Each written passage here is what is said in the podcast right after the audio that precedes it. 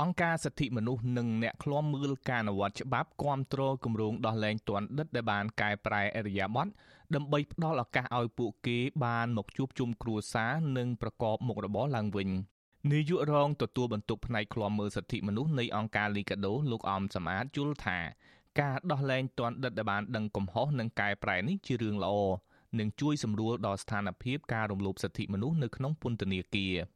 លោកជំរុញឲ្យអាជ្ញាធរអនុវត្តប្រកាសរបស់ក្រសួងយុតិធធឲ្យបានលឿនមានដំណាភាពយុតិធធគ្មានការរើអើង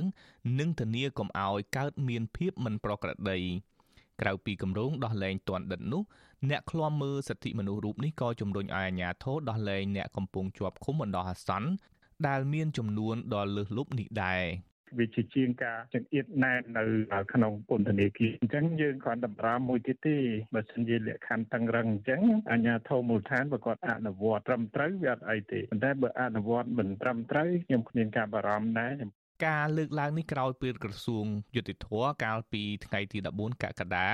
បានចេញប្រកាសឲ្យកំណត់បែបបទនៃការឃ្លាំមើលត្រួតពិនិត្យនិងដោះលែងទណ្ឌិតមួយចំនួន ដោយភ្ជាប់លក្ខខណ្ឌជាកាតព្វកិច្ចមួយឬច្រើន ទៅតាមការពិចារណារបស់ប្រធានសាលាដំបង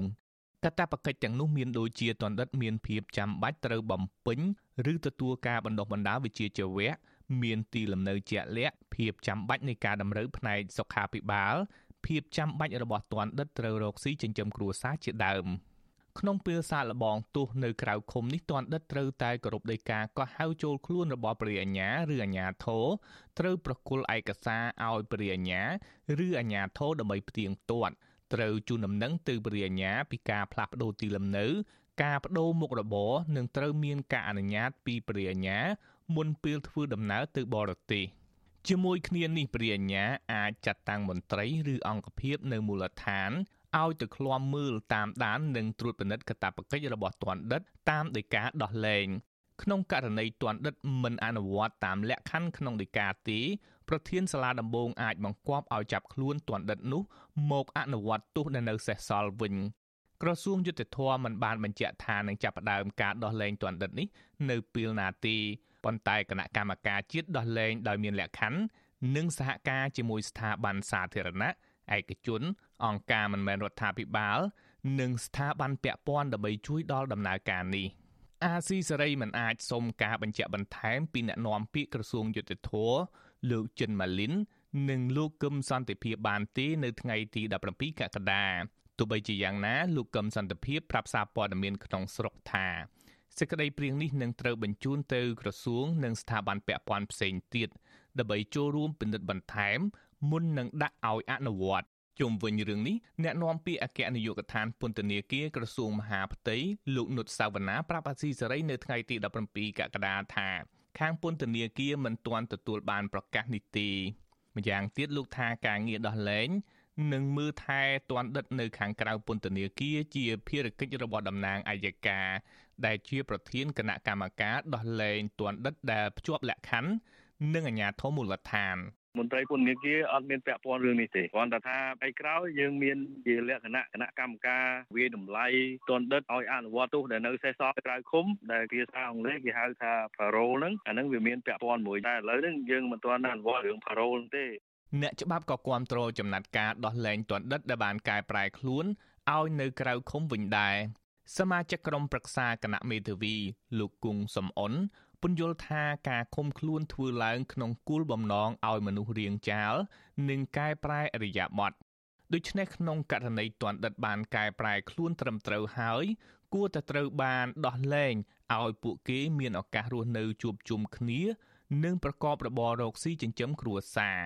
ប៉ុន្តែលោកជំរុញឲ្យការអនុវត្តការដោះលែងទណ្ឌិតនេះធ្វើឡើងដោយមានភាពច្បាស់លាស់និងគ្មានអំពើពុករលួយ បើពុំដូច្នោះទេ វានឹងក្លាយជាចំណុចអវិជ្ជមានសម្រាប់សង្គម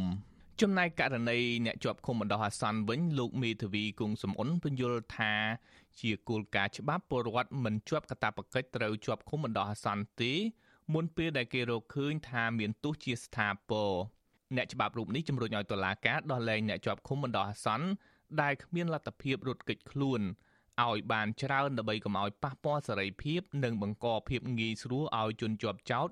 រោគសេវាផ្លូវច្បាប់ឬការស្វែងរកភ័ស្តុតាងជាដើមពួកគាត់ទោះបីយ៉ាងណានៅតែជាពលរដ្ឋរបស់ប្រទេសជាតិដដែលទេអញ្ចឹងនៅពេលការដោះលែងឲ្យគាត់មានសេរីភាពក្នុងលក្ខខណ្ឌវាអាចជួយឲ្យគាត់រកការងារធ្វើរកចំណូលចំគ្រួសារហើយក៏ដោះស្រាយបន្ទុករបស់គាត់បានដែរឧទាហរណ៍ថារដ្ឋត្រូវចំណាយលើទីកន្លែងត្រូវចំណាយទៅលើម្ហូបអាហារមិនត្រូវចំណាយទៅលើរដ្ឋបាលសម្រាប់ពួកគាត់ក្រមនីតិវិធីប្រមត្តននិងច្បាប់ស្តីពីពន្ធនាគារ